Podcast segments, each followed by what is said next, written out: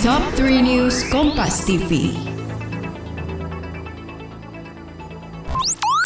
Ajak si kecil belajar sambil mendengarkan dongeng. Media hiburan edukatif, berkualitas, serta aman bagi screen time si kecil yang bisa diakses di mana saja, kapan saja.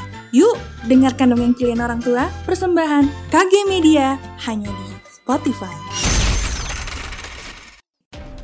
Halo sahabat Kompas TV, saatnya kita update 3 berita terpopuler yang terjadi pada hari ini, Senin 1 November 2021 bersama saya Lufan Brilian.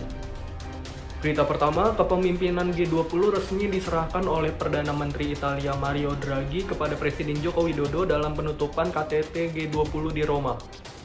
PM Italia menyerahkan secara simbolis palu presidensi G20 kepada Presiden Jokowi dan Presiden Jokowi mengetuk palu tersebut di hadapan pemimpin dunia.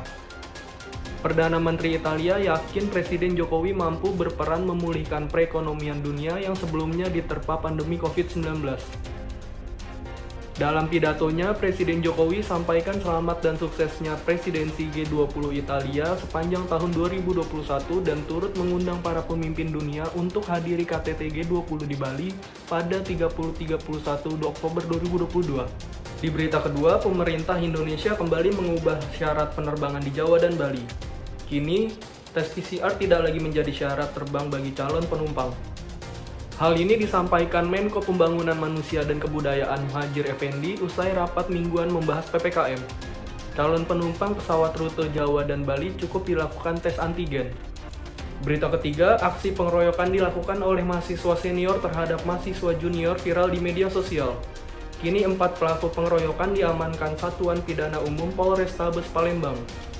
Berdasarkan keterangan Kasat Reskrim Polrestabes Palembang dari hasil pemeriksaan sementara motif dari penganiayaan tersebut dikarenakan kesalahpahaman di mana dua pelaku yang hendak pergi ke kantin bertemu dengan korban dan saling lihat atau tatap mata. Karena tidak senang dilihat oleh korban, pelaku menghampiri korban dan terlibat perkelahian. Dua pelaku memanggil dua pelaku lain untuk mengeroyok korban. Itu tadi tiga berita terpopuler hari ini. Saya Lutfan Brilian pamit undur diri.